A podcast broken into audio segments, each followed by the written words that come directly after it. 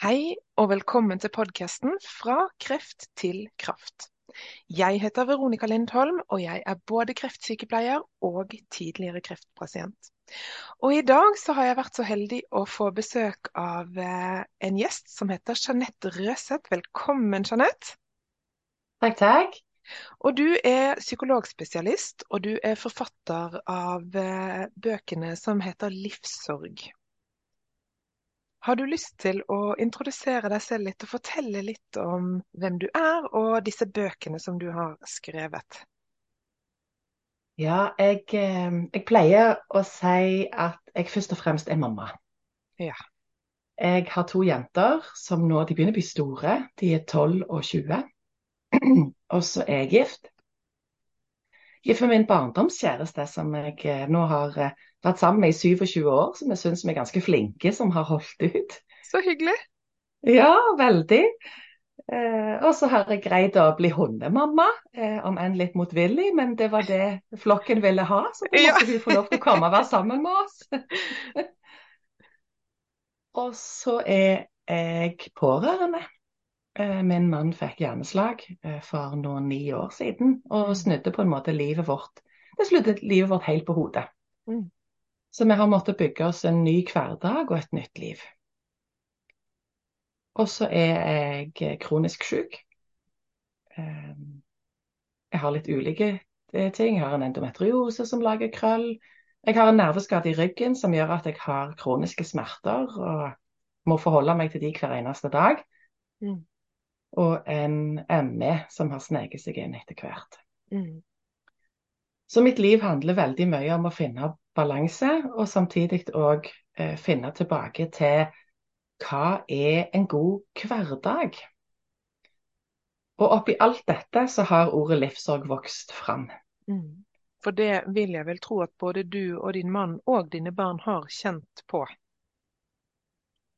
Det har vi. Og så har vi vår Vi har ulik versjon sant? Mm. av eh, livssorg, for vi har ulike tap. Og som psykolog så ser jeg jo òg det masse i jobben min òg, at livssorg det er, det er ikke noe bare meg og min familie kjenner på. Det er noe mange kjenner på. Og livssorg det er jo den der eh, sorgen over når livet ikke ble sånn som du hadde tenkt. Mm. Og Det kan være mange årsaker til det. Det er jo ikke bare nødvendigvis sykdom, men eh, endringer som gjør at eh, jeg fikk ikke den nåtida og framtida som jeg tenkte jeg skulle ha. Mm. Og du, du, det, du, nevnte dette med tap. Og hva er egentlig et tap? Fordi det oppleves jo så forskjellig. Um, så, så fins det noen definisjon på hva et tap er? Jeg pleier å si at det er um, alle de endringene som gjør at vi på en måte mister hverdagen vår, og gjerne mister en bit av oss sjøl. Sånn, det kan være samlivsbrudd, f.eks. For, eksempel. for noen er samlivsbrudd ukomplisert. Mm. Men for noen så blir det å miste nesten hele sin identitet. Så en alltid har tenkt at eh, det viktigste for meg er kjernefamilien, og at vi skal holde sammen. Og så kommer samlivsbruddet, og så smuldrer kjernefamilien. Eller min aller viktigste verdi blir tatt fra meg. Eller jeg alltid har sett for meg at jeg skal ha barn. Og så kommer naturen og sier beklager, men du får ikke det. Mm som vil gi en sånn en, eh, livssorg over at men jeg hadde jo denne drømmen, og så fikk jeg den aldri. Mm. Det, er, det, er, det er så mange ting som gjør at vi føler at vi mister. Sånn, tap av jobb, tap av helse, tap av relasjoner. Mm. Ensomhet er jo òg en vanlig kilde til livssorg. Mm. Og når man mister f.eks. i et dødsfall, så blir jo dette gjerne puttet inn i en boks, og du får en grav å gå til, og du får kanskje en sorggruppe, og du får Ting blir tilrettelagt rundt deg fordi du f.eks. har mistet et menneske som står deg nær.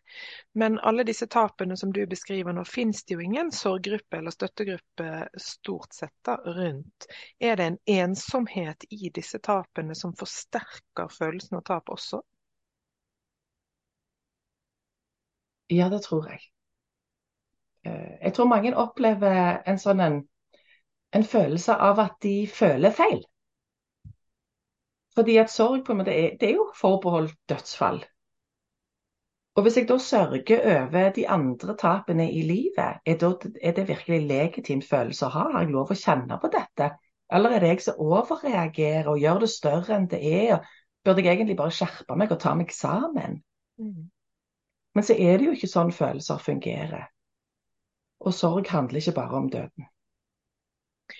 Nei, men hva sier folk rundt dette her? Opplever folk at sorgen rundt de tapene man opplever, da, som ikke er død, opplever folk at det er forbundet med skam og um, Altså at det ikke er legalt å snakke høyt om? Ja, mange kjenner på det. Mange kjenner på at de egentlig burde bare være takknemlige. Enormt mange mennesker får eh, sånn, Hvis du forteller noe som er vondt, så får du den der Jo, men nå må du jo huske på at mm. Og da får en automatisk den der en, manglende anerkjennelsen for at jeg har lov å kjenne på at dette gjør vondt. For jeg må jo huske på ja, naboen, ja, de har det jo tungt. For ikke snakke om kollegaen min, eller fetteren til kusina, til tremenningen til en eller annen. De har det vanskelig, de. Mm. Og da og blir det veldig sånn ja. Jeg husker, Det er jo en sånn floskel fra når vi var små, eller når jeg var liten, at ja, men tenk på barna i Afrika. Um, så det, du, du, skulle liksom alltid sette din egen følelse av sorg eller smerte til side fordi noen hadde det verre. Er det fortsatt, Lever det fortsatt, kanskje på en litt annen måte, men lever det fortsatt i vår kultur? Absolutt. Og det, jeg tror det er på en måte det er så innarbeida nesten i ryggraden hos oss. Eh, jeg var bl.a. og besøkte Barnekreftforeningen i Oslo. Eh, I den gruppa som er eh, etterlattegruppa, der de har mista barnet sitt. Og sjøl der kjente de på det. Sånn som det ene foreldreparet sa. Jeg har ikke tall på hvor mange ganger vi satt og kjente på skyldfølelse for hvor tungt vi syntes dette var. For vi visste jo hvordan de hadde det på naborommet. Mm. Sånn, selv i døden eh, så sammenligner en og kjenner på at jo, men vi må jo være takknemlige, for det kunne jo vært sånn som de har det. Mm. Og bare i den, i den tankerekka der, så slutter en å anerkjenne sine egne helt vanlige, normale følelser. Er dette et norsk eller vestlig fenomen, eller vet du om det er litt sånn i alle verdensdeler? Jeg tror det er litt sånn overalt. Mm. Vi har en takknemlighetskultur. Og takknemlighet, takknemlighet er et fantastisk verktøy. Vi kan stå i mye når vi leter etter de tingene vi er takknemlige for. De der små, hverdagslige eh, Nesten hva som helst. Sant? Det kan være så smått at andre ikke tenker over at det finnes engang. Men akkurat i min livssituasjon nå så er jeg kjempetakknemlig for at det finnes. Mm. Men det er fullt mulig å være takknemlig og sørge samtidig. Det er veldig fint at du sier, fordi jeg opplevde veldig sterkt etter at jeg eh, var friskmeldt. Da fikk jeg en enorm sorgreaksjon og gikk inn i en depresjon etter min behandling, kreftbehandling. Eh, men det jeg støtte på hele tiden, det var nettopp dette med at ja, du, du, må jo være takknemlig for at du lever. Og jeg tror folk så det som vanskelig å, å se disse to følelsene parallelt. At jeg var jo takknemlig for at jeg levde. Men allikevel så sørget jeg så dypt over den situasjonen jeg sto i og, og opplevde. Um, og det tenker jeg gjelder i mange andre situasjoner også, at også barn må stå i dette her. Ja, men det er jo bra at menn er dette, er dette veldig konfliktfylt for veldig mange, og spesielt da kanskje barn? Jeg vet ikke om det har aldersgrense. Jeg tror det er noe som vi alle kjenner på. Mm. Og så tror jeg òg vi kan bruke det litt som trøst. Eh, ikke nødvendigvis vellykka trøst, men at det blir et sånn enkelt verktøy å ty til fordi at det er så smertefullt å stå i. Sant? Eh, si du har en partner som blir syk, sånn som jeg opplevde. Så skal jeg stå i alle mine egne følelser. Jeg skal tåle min partners følelser. Og så skal jeg òg romme mine barns følelser. Og da kan det innimellom føles som at en vil eksplodere, for det er for mye. Det er for mange følelser jeg skal greie å romme. Og da blir det òg lett å ty til ja, men nå må du huske at du skal være glad for. Mm. så blir det en sånn forsvarsstrategi, for jeg greier ikke ta imot alles følelser. Mm. Hva er um, Det snakkes mye om å trøste. Og mange gjør eh, mer eller mindre vellykkede forsøk på å trøste og, og, gi sin versjon av virkeligheten. Og nå må du høre her. Hva er en god måte å trøste på? Finnes det? Den beste måten å trøste på, det er å bare være der. Mm. Så enkelt og så vanskelig. Ja. Og så gjerne, legg gjerne til at jeg er her for deg. Hvis du trenger å snakke om noe, så har jeg ører. Mm. Hvis du vil ha meningen min, så kan du få den. Men hvis du helst ikke vil ha den, så er det helt OK. Jeg tar gjerne imot din fortelling. Mm. For Hvorfor når vi får lov Unnskyld. Ja. Det går fint. Eh, bare spør spørsmålet, for dette der eh, Det forsvant, ja. Eh, tanken hvorfor, det. Hvorfor er det så vanskelig Hvorfor er det så vanskelig å trøste ved å bare være? For det er det jo. Det opplever at mange sier at det er så tøft å stå ved siden av en som sørger og gråter, og så har man Man vet ikke hva man skal gjøre. Man mangler redskaper, og bare det å være, det føles ikke som nok. Jeg tror det ligger i oss at vi har, vi har så lyst til at alle skal ha det bra. Og vi har så lyst til å ta vekk smerte. Sant? Vårt eget nervesystem er jo laget sånn at vi skal unngå smerte. Det å unngå smerte handler jo om overlevelse. Og hvis noen da har smerte, så vil jeg jo hjelpe deg til din overlevelse. Så jeg tror det ligger så innebygd i oss at det blir vanskelig å gå ut av den der 'jeg skal reparere'. Og så er det ofte det vi trenger. Mm. Sånn, mange ganger så kan vi bare bli utrolig irriterte på alle disse som skal reparere alt mulig. Kan ikke du heller bare være her med meg? Mm. Det, det, tror jeg er helt riktig. helt riktig. Så enkelt og så vanskelig. Og jeg tar meg selv i det hvis, eh, hvis min datter f.eks. er lei seg og gråter. At jeg, jeg, har så enormt lyst til å komme med råd og tips og gjøre, handle. Eh, være den løvemammaen og beskytte barnet mitt. Og så, det, så blir det kanskje nesten et overtramp hvis jeg handler for mye og bare det å la henne gråte seg tom, åh, det syns jeg ikke. Jeg syns det er kjempevanskelig. Det er jo noe av det tøffeste vi står i som foreldre. Mm. Og så er det lov å minne seg sjøl på at ingen foreldre gjør alt rett hele tiden. Det som er så fint med ungene våre, det er at de tåler at vi gjør feil. Mm. De tåler at vi av og til gikk rett i trøstefella og ikke lytta. Og så blir de veldig, veldig glad når vi det kommer og sier Unnskyld, vennen min, jeg glemte mm. å høre etter på det du prøvde å fortelle meg. Mm. Det er ikke sikkert du har lyst til å fortelle det nå, for det kan være du ble litt sur på meg fordi jeg ikke brukte ørene. Men hvis du kjenner at jo, jeg har litt lyst til å si det likevel, så lover jeg at ørene mine er skrudd på nå. Mm. Det var en veldig fin uh, formulering, syns jeg. Og det, det å, jeg opplever jo selv dette med å, å, kunne si unnskyld til barna, det er kjempeviktig. Men uh, akkurat den formuleringen var veldig fin, for vi, er, vi har en tendens til å snakke mer enn vi lytter. Og det er noe man må øve seg på. Absolutt. Mm. Eh, men med litt tålmodighet og litt takhøyde for seg sjøl fordi at en ikke alltid lykkes, det er lurt. I forhold til meg selv og min situasjon, så har jo jeg vært veldig syk. Jeg har vært veldig redusert, og det har selvfølgelig gått ut over min datter. I ganske stor grad i perioder når jeg ikke har greid å være den mammaen som jeg egentlig ønsket å være. Eh, det har resultert i mye skyldfølelse, at jeg er ikke en god nok mamma. Jeg klarer ikke å gjøre det jeg egentlig ville gjort. Er det noe mange foreldre kjenner på, selvfølgelig med ulik bakgrunn og forhistorie.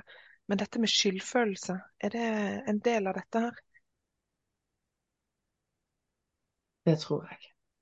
Jeg tror vi har et sånn, vi har et sånt bilde av hvem vi skal være som foreldre. Vi har et bilde av hvor mye vi skal være til stede. Eh, vi, har, eh, vi har bilder av bare hvilke aktiviteter vi skal gjøre, og hvordan vi skal følge hverdagen. Og, og når da livet ikke ble sånn som vi hadde tenkt, så går vi automatisk i den fella og tenker at da er jeg en dårligere forelder.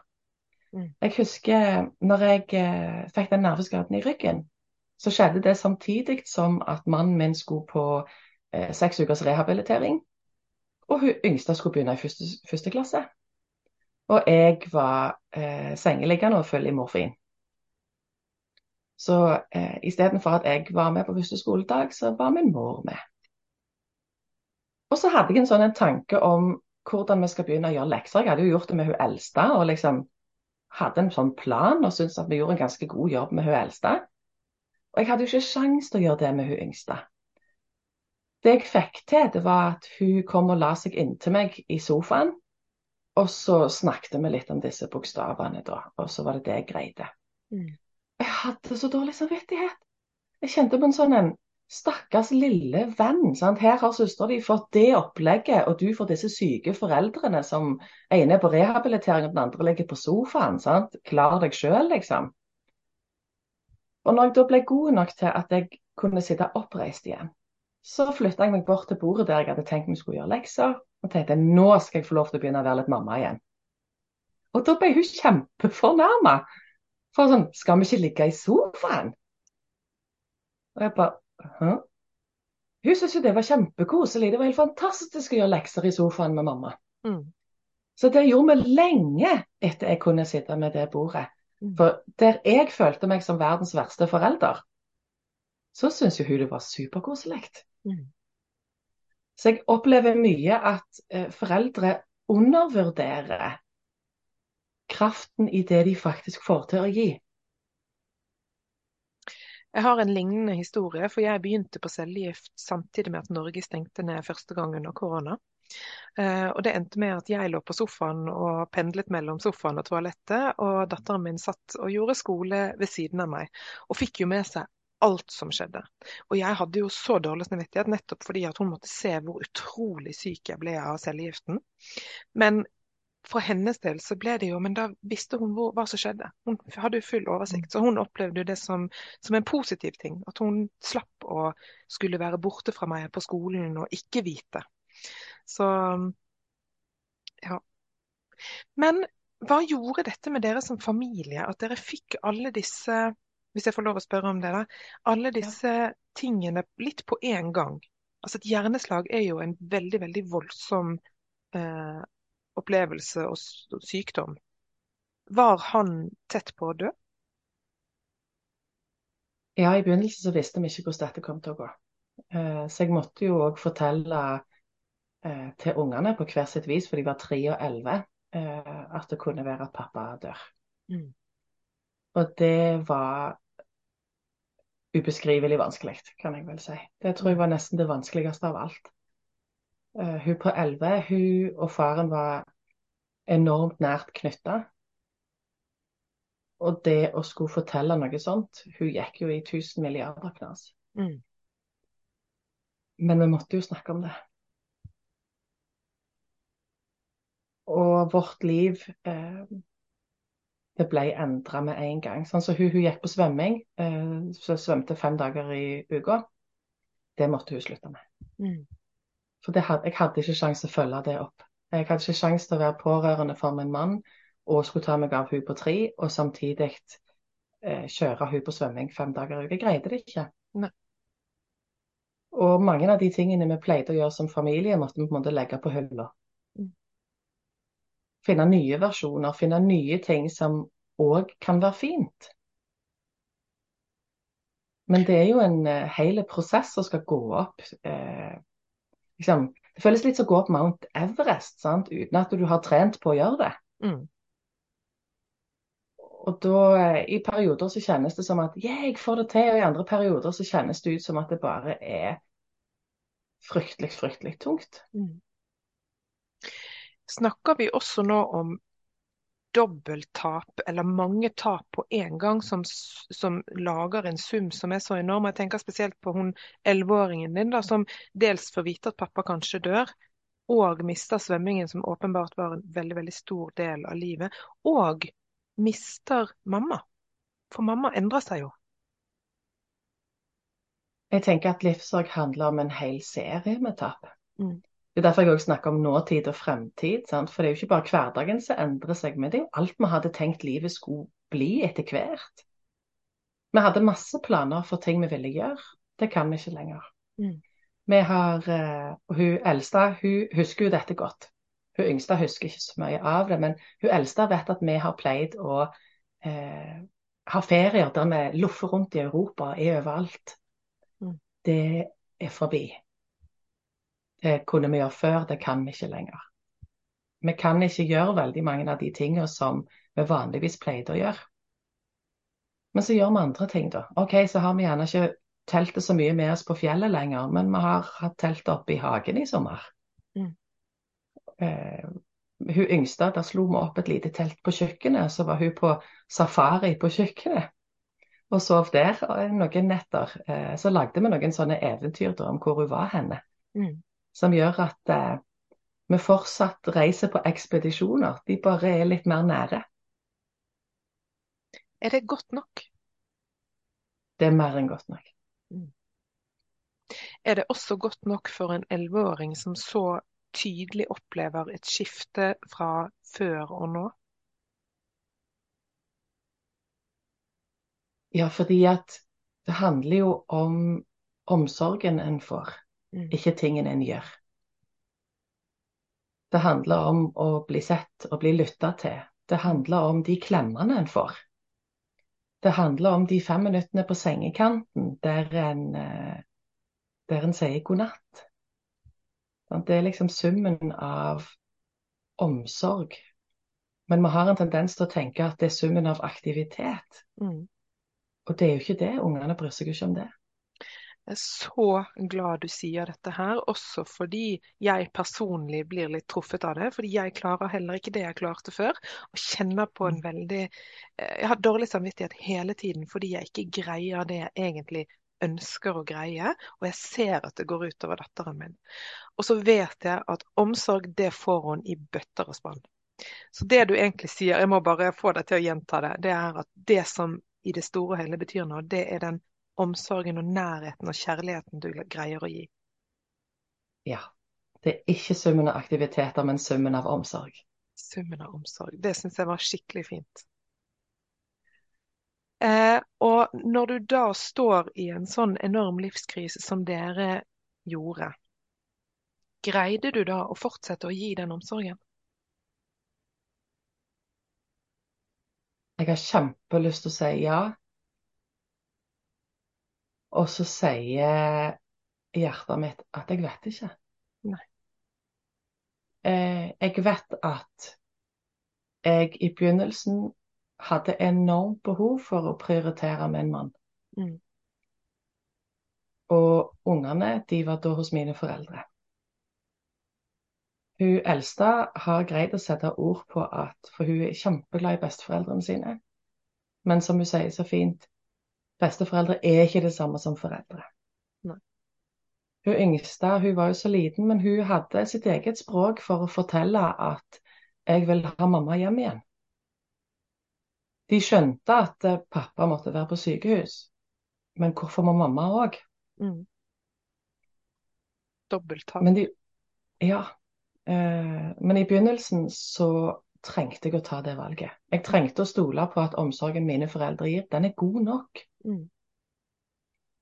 Og så når eh, jeg er trygg på at nå kan jeg være mer hjemme, så skal jeg gjøre det. Så da, det gjorde jeg.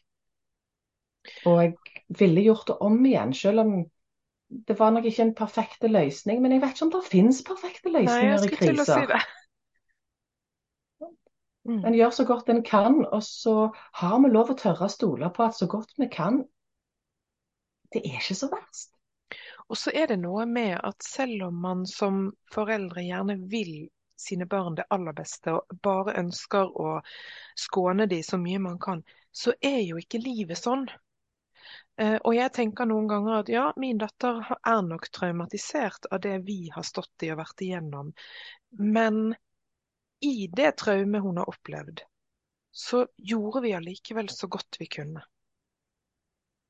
Og vi kan ikke, på samme måte som at vi som voksne opplever traumer og tap, så kan vi ikke hindre at barna våre også gjør det. Ikke alltid, i hvert fall. Ordet skåne er et sånn et, eh, et, sånn et ord jeg egentlig kunne tenkt meg å kaste. OK, fortell om det. Eh, foreldre går veldig aktivt, aktivt inn for å skåne. Og i praksis så betyr det at vi gjemmer, vi skjuler. Vi snakker engelsk så de ikke skal forstå, eller vi går inn og kvisker i et annet rom. Mm. Og det er en av de beste katalysatorene vi har for barns fantasi. Mm. Og barns fantasi er som regel mye verre enn virkeligheten. Mm. Jeg har stor tro på å inkludere barn. Det er skrevet masse lærebøker om at det barn ikke vet, det har de vondt av. Mm. Så kan vi heller da fortelle litt ut ifra alder hva det er som skjer, og hva dette betyr. For det er mye tryggere enn dit fantasien tar meg. Jeg er sikker på at når datteren din så deg springe mellom sofaen og badet, så ja, det var skummelt, men det var òg trygt, for hun visste hva som skjedde. Mm. Hadde du vært et helt annet sted, så hadde hun ligget og lurt på hvordan har mamma det egentlig nå? Hvordan går det med mamma? Har mamma det vondt? Er mamma lei seg? Mm. Og så får hun masse sånne bilder av hvordan du har det. Mm. Istedenfor den der tryggheten ved å si at ja, men sånn er det. Jeg jobber jo som eh, sorggruppeleder for barn som har mistet foreldre eller søsken, og vi sier jo akkurat dette, at det er bedre å vite. Selv de brutale tingene, selv de tingene som man ikke har lyst til å fortelle, at eh, foreldre kanskje har begått selvmord eller har blitt kanskje til og med drept, men det er bedre å vite. For barn gjennomskuer det, og det blir ofte verre hvis de får vite det mange år senere. Hvorfor visste ikke jeg dette? Ja, for da føles det som et svik. Mm.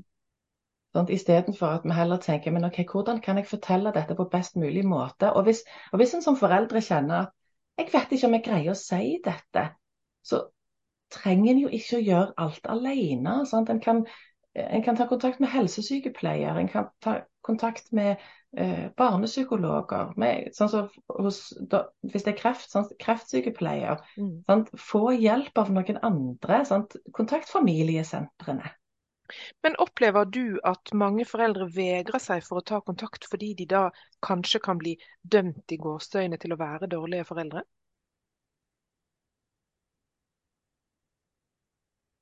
Nei, jeg har ikke opplevd det. Nei. Det er bra. Det er godt å høre. For jeg opplever veldig, eh, dessverre litt for ofte, at mange foreldre vegrer seg for å snakke med barna. Og jeg undrer meg noen ganger, handler det om mangel på kunnskap, eller handler det om at de er redde for å ikke gjøre det som i gåseøynene er riktig? Min opplevelse, er, min opplevelse er at jeg treffer mye redde foreldre. Redde for å gjøre feil, redde for at de sier noe som gjør mer skade enn det gjør godt. Eh, et sånn vanlig tema som ofte dukker opp når eh, foreldre er redde, det er når barn begynner å spørre om døden. Mm.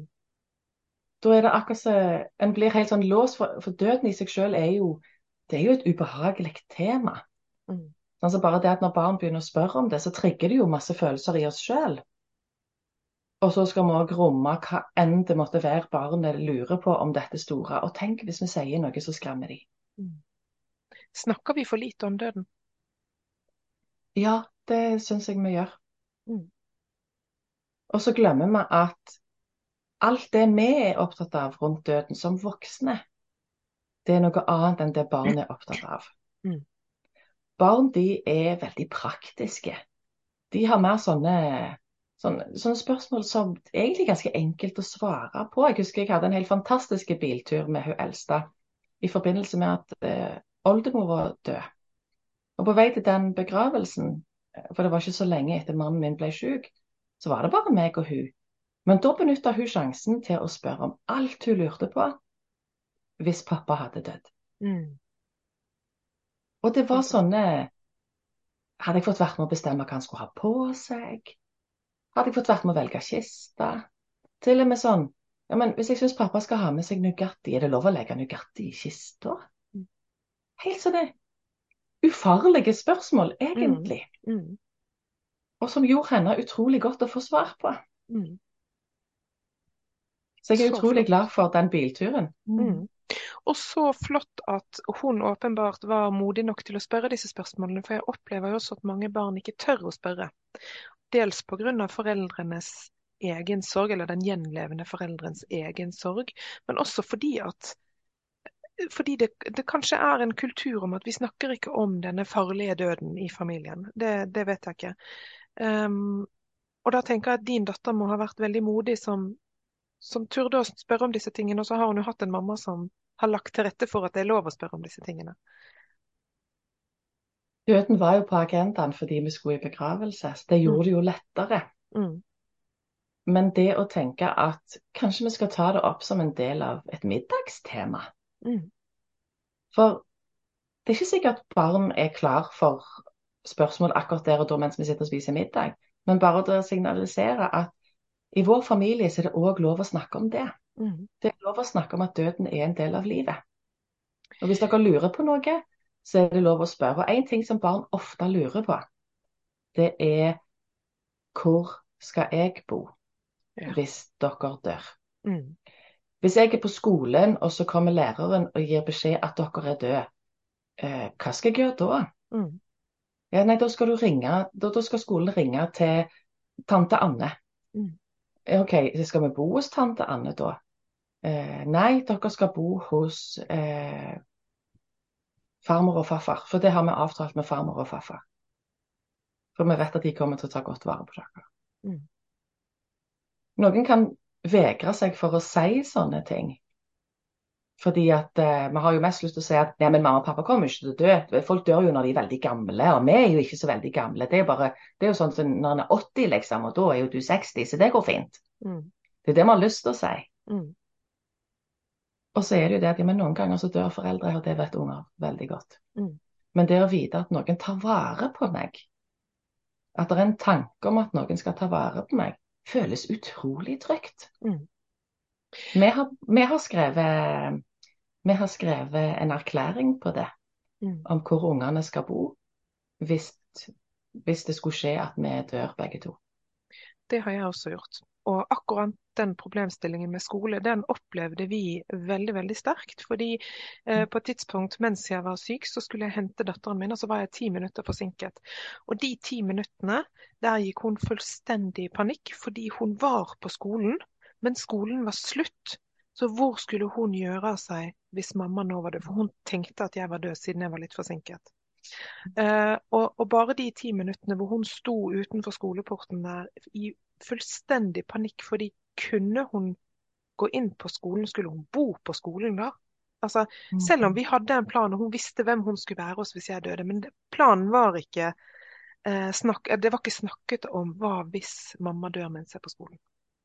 Mm. Så, så akkurat det ble en veldig reell opplevelse for oss, og, og vi lærte mye av det på den litt harde måten. Så, så det er veldig, et veldig godt uh, poeng, dette med å snakke om hver minste detalj. Vi har uh, kanskje dessverre også hatt døden som tema veldig sterkt her hjemme. Uh, vi har snakket veldig mye om det. Og det min datter sier i dag, det er at hun kan veldig lett snakke om døden, men hennes venninner blir livredde hvis hun begynner å ta opp noe med døden. Og det syns jeg er trist, fordi selv om man har friske foreldre og eh, ikke forventer at det skal skje noe uforutsett i forbindelse med noe død, så tenker jeg det er et viktig tema for å hindre angst rundt døden òg. For å forstå døden. Og barn i dag, de, min opplevelse er at barn i dag de, de erfarer døden gjennom TV-spill, gjennom eh, video, gjennom altså, skyting, splash, bang, splatt. Eh, altså veldig sånn groteskt. Og sånn trenger jo ikke døden å være. Det er sjelden døden er sånn.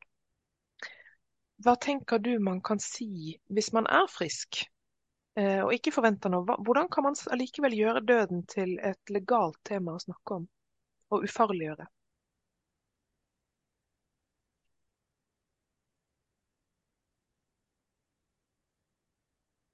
Kjøretur er jo ofte et sånn magisk verktøy når en skal ta opp temaer som en er usikker på om ungene syns er OK å være med på.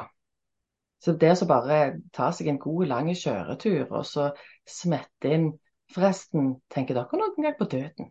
Mm. Eller du, tenker du noen gang på?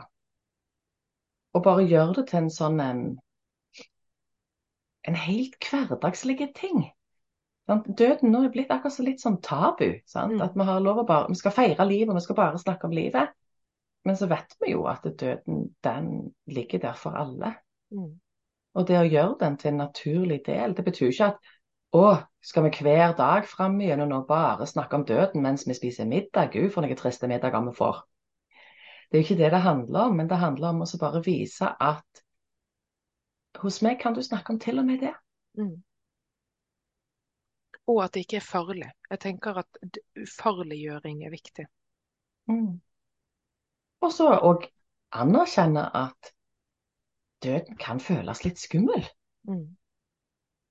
Døden er jo eh, Det er vondt når noen dør. Det, det er sorgfullt, det er smertefullt. Mm. Og det er skummelt når noen er glad i forsvinner. Og det er lov å kjenne på at det føles skummelt. Mm. Og så anerkjenne at men det er fortsatt en naturlig del av livet. Så derfor er det viktig at vi av og til òg tør å snakke om det. Mm. Um, barn i sorg. Opplever du at barn i sorg blir sett i skolen, i barnehagene, i samfunnet generelt, eller er, er det en gruppe som forsvinner litt? Jeg tror de forsvinner litt på alle arenaer, mm. og hjemme. For barn er ikke alltid tydelige i sin sorg. Så derfor er det ikke alltid, det er ikke alltid så lett på utsida å si ja, sørger du eller ikke. Du sitter jo og spiller PlayStation, og alt ser jo helt greit ut. Mm. Det, ok, Hvor mange har du drept på Fortnite uh, denne gangen? Å ja, så mange. Ja, ja, da må du jo være konsentrert òg, da. Da er det jo sikkert greit, da. Mm. Men så kan det være kaos på innsida. Sånn, det heter at barn går mye mer inn og ut av sorgen enn vi voksne gjør. Og så viser de det på andre måter. Sånn noen barn de blir veldig utagerende. Mm. Der en kan få litt sånn Hva er det med deg? Du har alltid vært så rolig og grei før. Hva er det så vanskelig nå etter? Nå er jo vi alle i sorg her. Det passer jo kjempedårlig at du skal bli en sånn vanskelig unge. Mm. Noen de blir usynlige.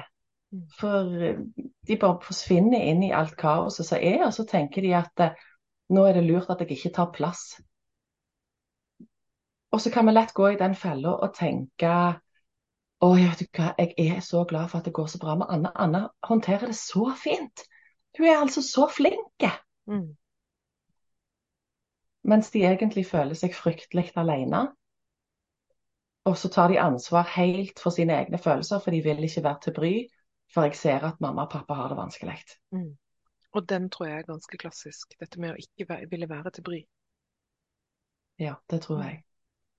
Og det gjelder kanskje også på skolen og i barnehager, at de er stille i, i skolesituasjonen og dermed heller ikke blir sett av, av eh, lærere og pedagoger. Det er ikke alltid det er rom heller. Sant? Det spørs jo hva slags klassesituasjon en har. Sant? Hvor store utfordringer er der? Sant? Hvor mye drukner en i alt det andre som skjer i et klasserom? Sant? Lærere har en stor flokk med barn de skal greie å se. Og Det er nesten en umulig oppgave hvis ikke du da har en elev som er veldig tydelig i sin sorg. Mm. I barnehagen så er det litt lettere, fordi der skal det jo handle om omsorg. Og de har bedre tid. Sant? De er flere voksne per barn, og de har mer mulighet til å være et fang. Jeg vet barnehagen hadde et helt annet spillerom når eh, mannen min ble syk i forhold til å følge opp hun på tre, enn det skolen hadde til hun på elleve. Mm. Og det, det, er jo synd at det er sånn. Mm. Dessverre. Og jeg ser det veldig tydelig at veldig mange er på i akuttfasen akkurat når det skjer, og så glemmer man kanskje at sorg kan vare i årevis. Kanskje resten av livet. Eh, og når, når, akuttfasen er over, når det kanskje har gått noen uker, så glemmer man litt at man har et barn som kanskje knapt har begynt å sørge. Det er min erfaring i hvert fall. Og det, det kjenner jeg at jeg har, jeg har et veldig behov for å bevisstgjøre lærere, pedagoger, andre som jobber med barn, med barn, om hvor lang tid sorg faktisk kan ta, og hvor lang tid barnet har behovet for å bli sett. Og så er jeg veldig glad i det som heter trygghetssirkelen. Mm. Trygghetssirkelen handler jo om hva våre barn trenger. Sant? Og vi skal være hender for våre barn. Vi skal være større, sterkere, klokere og god. Og de skal på en måte være i balanse for at det skal bli bra. Det skal være en trygg base som de kan gå ut i verden ut ifra. Der de vet at vi passer på dem, vi hjelper dem hvis de trenger det, og vi fryder oss over hvem de er. Og når verden da blir et skummelt sted, så trenger de at vi er en sikker havn. Som tar imot dem, som gleder oss over dem, organiserer følelsene deres. Mm. Og så danser vi denne dansen rundt trygghetssirkelen fra den dagen vi får dem. Men hvis da en av foreldrene f.eks. For rammes av sykdom, så røskes trygghetssirkelen. Sånn, sånn som det har vært å forholde seg til mamma eller pappa, blir plutselig helt annerledes. Mamma og pappa virker ikke i sirkelen lenger. Mm. Og det blir kjempeutrygt. Og det tar ganske lang tid å etablere sirkelen på nytt. Der jeg tør å stole på at OK, nå virker mamma sånn som dette. Nå kan jeg stole på at mamma er min trygge base og min sikre havn. Og det tar mer tid enn enn vi voksne ofte har tålmodighet til. Mm. De fleste har heldigvis to foreldre, men det blir jo flere og flere aleneforeldre, og mange står med tilnærmet fullt ansvar eller fullt ansvar alene. Eh, og jeg gjorde jo det i forhold til min datter. Jeg hadde henne 100% alene. Og når jeg da er den som representerer det, trygghetssirkelen, og jeg krakelerer, hva gjør et sånt barn da? For de har jo nødvendigvis ingen andre å gå til. Veldig mange vil reagere med at de da passer veldig godt på. Mm. For jeg er så avhengig av den sirkelen jeg har sammen med deg, så da må jeg gjøre alt jeg kan for at du har det bra. Og en blir veldig utrygg. Veldig utrygg på alle arenaer, for hva skjer hvis jeg mister mine hender? Mm. Nå er det viktig å huske på at alle barn har mer enn én sirkel. Sånn, vi lager oss jo trygghetssirkel til besteforeldre, tanter, kanskje en eh, mora til en venninne som jeg er mye sammen med, eller en god lærer som mm. jeg føler meg sett hos. Sånn. Barn har mer enn én sirkel. Selv om de ikke har to foreldre som bor sammen, så betyr ikke det at de ikke har flere sirkler å spille på. Heldigvis. Ja. Men selvfølgelig, sirklene har et hierarki. Og det er noen sirkler som på en måte de er forbeholdt eh, mine nærmeste omsorgspersoner. Mm. Og det er fryktelig skummelt når den jeg er mest avhengig av, ikke lenger fungerer sånn som den pleier. Og det leder meg litt inn på dette med pårørende fatigue. Fordi det er faktisk mange barn som står i dette her, som også utvikler fatigue når de rundt blir syke. Og jeg tenker spesielt disse barna som kanskje står i en sånn situasjon som jeg og min datter sto i, hvor hun og jeg, eller vi to var alene, og jeg krakelerer og blir syk. Og hun ble fryktelig sliten, fryktelig utmattet. Er dette noe du ser ofte? Kanskje også hos voksne, men, men, jeg har lyst til å legge litt vekt på dette med barn. Jeg vil tippe at hun har gått med eh, en stressrespons på full maks. Mm. Hun har vært i beredskap over lang tid, for hun har vært så redd for hva mm. skjer hvis. Mm. Og at hun da blir utslitt, det er nesten egentlig bare å forvente. Mm. Men det er ikke fordi at barn ikke er tydelige alltid i hva som foregår på innsida, så legger vi gjerne ikke merke til at de er i alarmberedskap døgnet rundt. Og at eh, alt jeg tenker på hele dagen, handler egentlig om dette. Mm. Og vi kan jo tenke oss selv, hvis du skal gå i bekymring og engstelse hele dagen over lang tid, klart en blir sliten. Og ungene våre blir òg like slitne. Mm. Det er tungt å gå og bekymre seg for mamma. har vi en tendens til å tenke at eh, ja, men eh, du er ung og sprek, så du fikser dette, eller du kan løpe med søpla, eller du kan gå med hunden. Har vi en forventning om at siden de er barn, så skal de ha mange krefter? Ja. Jeg tror mange møter ungene sine med at uh, dette går fint, fordi at uh, du er ung og du har ikke sånn sprettball, du spretter bare tilbake igjen. Sånn. Mm, mm. Og så glemmer vi at ja, men selv sprettballer kan bli utslitt mm. og trenger en pause. Mm. Mm. Utrolig viktig eh, tema å, å, å, snakke om dette her og skape bevissthet rundt det. Men jeg har lyst til å gå litt tilbake. Fordi du har jo skrevet først en bok som het 'Livssorg når livet ikke ble slik du hadde tenkt'. Kan ikke du fortelle litt om boken og bakgrunnen for at den oppsto? Den oppsto jo um, i kjølvannet av at min mann ble syk. Mm. For da Jeg gikk med sånne følelser som jeg Jeg hadde liksom ikke ord for å beskrive dem. Og jeg som har lest så masse bøker om følelser, jeg burde jo i hvert fall på en måte kunne finne et godt ord som beskriver det. Og det eneste jeg på en måte fant som ligna, det var jo sorg. Og så tenkte jeg, men har jeg lov å sørge? sant? Mm. Det er jo ingen som er død, jeg har jo ikke mistet han. Men samtidig så har jeg mista noe allikevel. Jeg har mista noe ved han, og jeg har mista noe ved livet vårt. Og etter jeg ble syk sjøl, jeg har mista noe ved meg. Og det gir en sorg. Mm. Og det er litt sånn Det er litt sånn når du skal ut og reise, sant? og du vet at eh, åh, denne reisen her, den, den spesielle spesiell en. For det er den jeg har gleda meg til lenge. Der jeg har planlagt og spinka og spart. Og så setter du deg på flyet. Du vet at ah, mitt drømmested akkurat i dag, det er New York. Det er jo en sånn metropol. Sant? Du kan jo gjøre hva som helst i New York. Det er så mange muligheter. Og du sitter på flyet, og du bare kjenner Å, jeg gleder meg sånn. Og så underveis så skjer det noe som gjør at kapteinen sier beklager, men det har skjedd en feil. Som er dessverre nødt til å nødlande. Og så nødlander du på Færøyene ei bitte lita øy ute i havgapet der det knapt nok er trær. Og så tenker du ja, ja, det er jo bare en mellomlanding. Men så får du beskjed om at nei, men beklager, det har skjedd en feil til. Så vi kan aldri fly deg til New York. Og vi kan aldri fly deg hjem igjen. Mm. Du må bli permanent på Færøyene. Og så sitter du der da på et sted Det var jo ikke her jeg skulle. Det var jo ikke sånn det skulle være å være meg. Og så er det på en måte det livet jeg fikk. Og så er det akkurat som alle forventer at ja, men da må du jo bare tilpasse deg dette nye landskapet, da. Men det er ikke så lett når du da kjenner at ja, men det føles jeg sitter i bunnen av et bombekrater.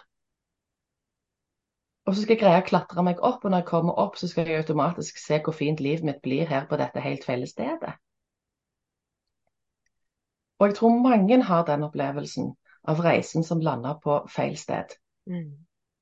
Så jeg hadde jo lyst med boka min første ambisjon var at hele verden skal få en sånn en anerkjennende klem for at vet du hva, den følelsen du har, den er helt normal.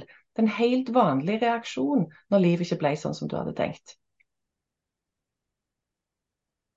Og min opplevelse eh, på tilbakemeldingene jeg får, er at det er sånn den fungerer. Og det er jeg så glad for. Mm. Det er en utrolig viktig bok.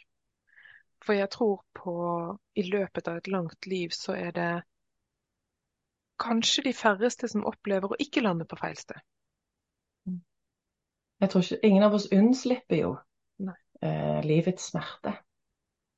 Og så er det noe med å få anerkjennelse for følelser når det skjer, og så òg få en verktøykasse.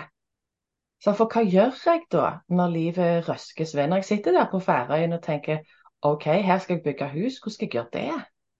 Og hvordan skal det bli fint? Mm. Så Derfor er også boka ment som en sånn verktøykasse eh, på vei videre. Og Et av de verktøyene som vi brukte mye, som har vært veldig viktig hos oss, er dette med dag null. For når han ble syk, så var det akkurat som jeg visste at nå begynner vi på nytt. Dette er vår dag null. Mm. Det som har vært før, det teller ikke. Og Grunnen til at jeg tenkte det, er fordi at vi mennesker vi har en tendens til å alltid sammenligne oss selv med den vi var på topp. Og da har vi jo alltid tapt. Hvis du alltid ser ut vinduet på Færøyene og skimter liksom New York i horisonten, så vil det aldri bli bra. Mm. En må på en måte finne sitt nye målepunkt. Og dag null handler jo om å beskrive hvordan jeg fungerte på mitt dårligste, verste, tyngste, mest nedstemte. Og så begynne å øve på å se all framgang fra dag null. Mm. Som gjør at jeg sakte, men sikkert beveger meg mot en hverdag der jeg kjenner OK, her, her kan jeg være. Veldig viktig eh, redskap å bruke, egentlig. Og jeg kjenner meg veldig igjen i det du beskriver. Eh, selv om mm min situasjon har vært veldig annerledes enn din, så er det, det er noe allmenngyldig over, over, denne sorgen og denne erfaringen som du setter ord på. Jeg tror, det, jeg tror, det, kan gjelde mange. Det gjelder ved utbrenthet. Sant? Å kunne se ok, hvordan har jeg bygd meg opp igjen fra når det smalt. Hvis jeg blir deprimert, ja, men ok, hvordan har jeg bygd meg opp igjen fra når jeg var på mitt dårligste? Uh, hvis jeg føler meg forlatt og helt alene, ja, men OK, hvordan bygger jeg meg opp fra helt forlatt til OK, nå er jeg i en hverdag der jeg kjenner det er greit. Og så er det òg utrolig viktig å kunne gjøre det sammen som familie. Sånn at at, OK, vi begynte litt på nytt med nå. Hvordan skal vi finne veien til en ny hverdag som familie som gjør at uh, vi alle syns at OK, nå er det et OK sted å være i denne familien. Mm. For en blir jo et sånn skjebnefellesskap der en sammen skal på en måte manøvrere inn i dette nye. Hvis man ikke har en familie og står litt alene Nå er du selvfølgelig psykologspesialist, og det vil kanskje være naturlig for deg å svare og søke en, søk en psykolog eller søke hjelp. Men mange syns jo dette er vanskelig. Mange har kanskje ikke økonomi til å uh, søke og få, hjelp av, det, av en psykolog, f.eks. Uh, og boken er selvfølgelig ett skritt. Men hva kan man gjøre i tillegg? Fordi mange føler seg så ensomme i den livssorgen de står i. Har du noen tips eller råd til mennesker som, som står alene med sånne ting? For mange så kan det hjelpe å finne fram en frivillig organisasjon. Mm. Og det finnes det mange av? Ja, en hel haug. Og så kommer vi ikke på at den ressursen finnes engang. Det er, der er organisasjoner for det aller meste. Og likepersoner er utrolig fine mennesker å ta kontakt med. Mm. Så På nettsidene til de ulike frivillige organisasjonene så står det som regel telefonnummeret til de ulike likepersonene, som en da kan ringe og få seg en prat. Hvis det du har sorg for ikke har en sånn spesifikk organisasjon, så ikke liksom heng deg opp i det, fordi at Røde Kors er for alle. Kirkens Bymisjon er for alle. Mm. Sånn, det finnes muligheter til å ikke kjenne seg så alene i det en står i. Og en trenger ikke ha opplevd nøyaktig det samme for å møte forståelse. Så jeg tror jo at vi ofte glemmer den ressursen som ligger der. Og så er det jo òg sånn at hvis en trenger mer, så skal de fleste kommuner nå ha kommunepsykologer, og det skal være et gratistilbud. Mm.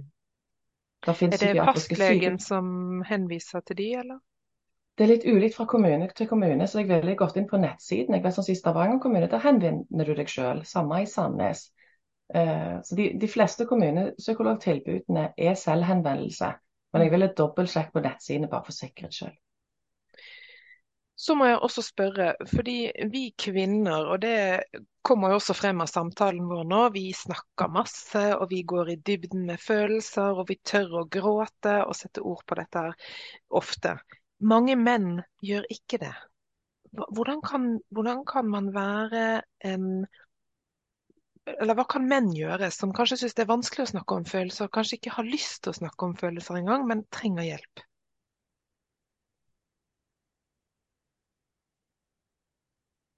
Jeg har litt lyst til å si at jeg vet ikke om kjønnsforskjellen er så stor. For jeg møter mange kvinner òg som legger lokk på. Mm jeg tror jo at hvis du vet at du har mange følelser innabords, så vil jeg ha leita etter hvor syns jeg det er trygt å få utløp for dette. For noen er det en psykolog, for noen er det eh, et familiemedlem.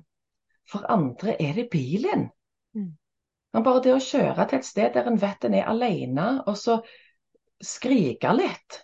En trenger ikke alltid å gråte, men bare det å brøle kan være utrolig godt. Mm. Det å skrive, det er òg lurt. Skriveterapi er en undervurdert form for terapi. Så hvis jeg ikke har noen å snakke med, eller jeg ikke tør å si det til noen, ja, men si det til en notatbok. Mm. Og den notatboka, hvis du er redd noen skal finne den, ja, men hver gang du har skrevet et notat, brenn det. Riv det i fillebiter og kast det. Fordi et øyeblikk du har skrevet det ned, så har det allerede skjedd noe med følelsene dine. Mm. Og så er det òg sånn at noen får sorg best ut gjennom å bruke kroppen. Og hvis du merker at det er din måte å få ut følelser på, ja, men så gjør det. Sykkel deg en lang eh, sykkeltur. Ta deg en joggeøkt. Eh, gå ut og hogg ved, eller et eller annet som gjør at du kjenner at du virkelig får brukt kroppen, og gjerne kan sette ord på følelsene på den måten. sant? Vi trenger ikke alltid den tradisjonelle 'finn fram tårene'. Men hvis du kjenner at 'men jeg har en gråt jeg skulle ha fått ut', ja, men se om du kan finne virkemidler. Noen blir veldig rørt av f.eks. en film, eh, en sang som de vet trigger lett. Ja, men sett på den da, og se hva kan du få fram. Mm. Og da kan du få lov til å gjøre det helt alene. Jeg husker en jeg hadde, og det var en mann da som var i terapi. Han ble alltid så rørt av eh, å se Le Miserable. Så han satt på den. Og han visste nøyaktig hva tid det kom til å skje noe, og da kom tårene. Og da kunne han få lov å benytte anledningen til å gråte for sine ting. Mm. Og tårer er jo gjerne en forløsning, og jeg har brukt den uh, teknikken selv mange ganger. Og hulkegrått foran uh, filmer som kanskje egentlig ikke er så triste, men jeg får en forløsning av det. Mm.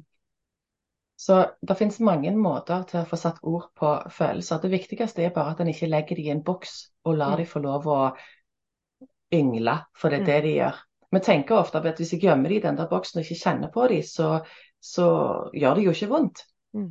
Men følelser som blir gjemt vekk, de ligger og forgifter og forsurer. Mm. Så jo mer vi tør å sette ord på dem, enten alene eller sammen med noen andre, jo mindre forgiftning får vi. Mm. Jeanette, vi har snakket mye om livssorg nå. Eh, men jeg vet også at du skriver eller snakker om livsglede. Mm. Kan du sette litt ord på hva det er, sånn helt på slutten her? Ja, livsglede. For jeg mener jo at de henger sammen, sant. Mm. Eh, livsglede er bl.a. det som jeg nevnte med takknemlighet. Finne glede i de der bitte små gylne øyeblikkene som oppstår. Jeg har ennå på mobil, kommer aldri til å slette den en sånn en virkelig glede for meg når han lå på sykehuset, var første gang han sov og lagde normale lyder. Så jeg har en liten filmsnutt av at han ligger i sykehussenga og småsnorker litt. Og han syns det er kjempekorny at jeg har den ennå, men jeg blir like glad hver gang jeg tar den fram, for jeg kjenner sånn på den enorme gleden. Mm. Sånn, det er alle de der bitte små tingene som gjør at dagen blir god. Mm. Noen av de kommer på en måte bare i kraft av seg sjøl, men det er òg de der vi skaper. Som gjør at OK, så våkner jeg klokka seks hver dag i sommer, da. Men så kunne jeg sette meg ut eh, på terrassen og nyte den der følelsen av når naturen våkner til liv, f.eks. Det var glede. Mm. Høre fuglene som våkner og bare tar helt av. sant? Det er å rusle ned til havet og bare sitte og høre på lyden. Det er å tenne lys det er å fylle stua med farger. Fordi vi vet at farger gjør noe med oss rent kjemisk som vi blir glad av. Så hvis jeg vet jeg er inne i en tung periode, ja, men så fyll huset med rosa og rødt og gult og oransje. For da hjelper du hjernen til å bli mer glad mm. i det som er tungt. Så det der å ha et helt bevisst fokus på det, litt takknemlighet hver eneste dag før jeg legger meg, f.eks. Det å ha fokus på positivt påfyll, for hva gjør jeg egentlig? Mange tenker jo at når jeg har det vondt, så det er ikke da det passer seg med positivt påfyll og gjøre gode ting for seg sjøl. Jeg gjør ikke det da. Jo, det er da du virkelig trenger det. Mm. Det er da du trenger den der, den der sangen på Spotify-lista di, så du vet alltid setter i gang rockefoten, samme hva. Sett den på. Jeg har en sånn en uh, Don't Stop Me Now av Queen. Mhm. Jeg har en sånn egen avhengighet til den. Jeg må høre den hele tiden, for det er så påfyll for meg. Jeg lytta til den òg når mannen min lå på intensiven. Mm. Jeg danste ikke i gangene på intensiven, det gjorde jeg ikke. Men det ga meg krefter. Mm. Så det å ha fokus på ting som gjør oss godt, som gjør oss glad, sånne små ting, ikke store. Vi snakker ikke om spahelg eller tur til Syden, men vi snakker om de små grepene vi kan gjøre litt hver eneste dag, selv i det aller mørkeste. Og for meg så handler det mye om egenomsorg. Og jeg har snakket mye om det med at vi har kanskje blitt lært opp til at egenomsorg det er å drikke et glass vin med venninner, eller som du sier, gå på en spa-weekend, eller Men jeg tenker at egenomsorg det er vel så mye disse bitte små tingene i hverdagen som å virkelig kjenne inn og gi seg selv omsorg. Altså å trøste seg selv og ha anerkjenne at det er greit at det bare er dette du klarer i dag, eller de små tingene. Selvmedfølelse, som du nevner, er jo et enormt kraftfullt verktøy. Det å møte seg selv med den samme rausheten, empatien og vennligheten du ville møtt alle andre med. Sånn treffer du noen i samme situasjon som forteller at vet du hva, i dag jeg har så mye fatigue, jeg har ikke orket noen ting. Ingen av de tingene jeg hadde tenkt jeg skulle gjøre, har jeg fått gjort. Og jeg føler meg så dårlig. Så hadde du jo møtt det mennesket med raushet. Mm. Du hadde møtt dem med vennlighet. Og da tørre å møte seg sjøl med det samme gir masse krefter og glede. Mm. Men det er en hel øving, for vi har jo den der indre kritikeren som lett mener mye, og som har helt egne regler for oss sjøl kontra hva, hva som er greit for andre. Men jo mer vi øver på å møte oss sjøl sånn som vi møter andre, jo bedre har vi det. Og jeg må si at det har tatt meg mange år å lære den egenomsorgen som virkelig går i dybden, og virkelig dette med positivt selvsnakk, og, og, rett og slett kanskje til og med si høyt til meg selv ja, men det går bra, Veronica. Du har gjort det du, du har gjort det beste du kunne i dag. Det er nok. Bare en sånn liten setning kan være så forløsende og så god, men det har jammen tatt meg mange år å lære. Så Ja, og det er jo det er jo så viktig. Sant? Selv om det tar tid, så er det kjempeviktig å minne seg selv på eh, at det er universelt. Det er universelt å ha det vanskelig. Mm. Alle mennesker har det vondt innimellom. Ingen unnslipper livets smerte. Mm. Og i dag så var det min tur. Men jeg skal huske på at jeg skal møte meg selv med den samme rausheten som jeg ville møtt alle andre med. Og Hvis det betyr at i dag så greide jeg ikke det jeg hadde tenkt, ja, men ok, da møter jeg meg selv med den rausheten jeg ville møtt ei god venninne med. Hvis jeg i dag bare har hatt smerter, ja, da møter jeg meg selv med den rausheten. Eller hvis jeg i dag har følt meg altså så fylt opp av selvmedlidenhet at jeg nesten vil kaste litt opp av meg selv, så skal jeg allikevel møte meg selv med raushet. For mm. alle mennesker kjenner på den følelsen innimellom. Og den følelsen er òg normal. Og det er lov å være innom den av og til. Og så er det noe med at når man er i sorg og smerte, så får man et, også et veldig mye større behov for omsorg. Og hvis man da ikke mm. har noen rundt som kan gjøre det og gi den omsorgen, så kan vi være det selv. Og det tror jeg vi glemmer, at vi kan være vår egen ressurs. Kanskje den viktigste ressursen av alle. Mm. Helt på fallerepet, vi skal begynne å avslutte, Jeanette. Eh, har du noen tips eller råd til mennesker som akkurat nå kjenner på en livssorg og en livssmerte? Gi deg sjøl lov til å ha følelsen. For den er helt, helt normal. Og møt deg sjøl med raushet i det du står i. Mm. Kjempefint. Hvis man har lyst til å eh, lese bøkene dine, hvor får man tak i bøkene? I alle bokhandlere der ute. Mm. Eh, livssorg, det, når livet ikke ble sånn som vi hadde tenkt, er en bok retta mot voksne og voksnes smerte. Den som heter 'Livssorg i familien', den handler om når det er barna våre som strever. Og hva det gjør med oss som foreldre, hva det gjør med søsken. Hva gjør det med den som strever eller blir syk? og hvordan påvirker det hele familien. Eh, så det er forskjellen på de to bøkene òg. Og eh, begge to kan være gode å ha, for eh, om ikke man står i livssorg akkurat nå, så kan det jo komme rundt neste sving. Så da er det greit å ha de i bokhyllen. Og jeg kan anbefale alle besteforeldre å lese 'Livssorg i familien', for det, da får en et eget innblikk i hvordan våre nærmeste har det. Mm. Tusen takk for at du ville være med i podkasten, Jeanette. Og eh, takk for at du ville dele alle disse gullkornene og gode ordene og rådene som du gjorde. Tusen hjertelig takk for at jeg fikk lov til å være med.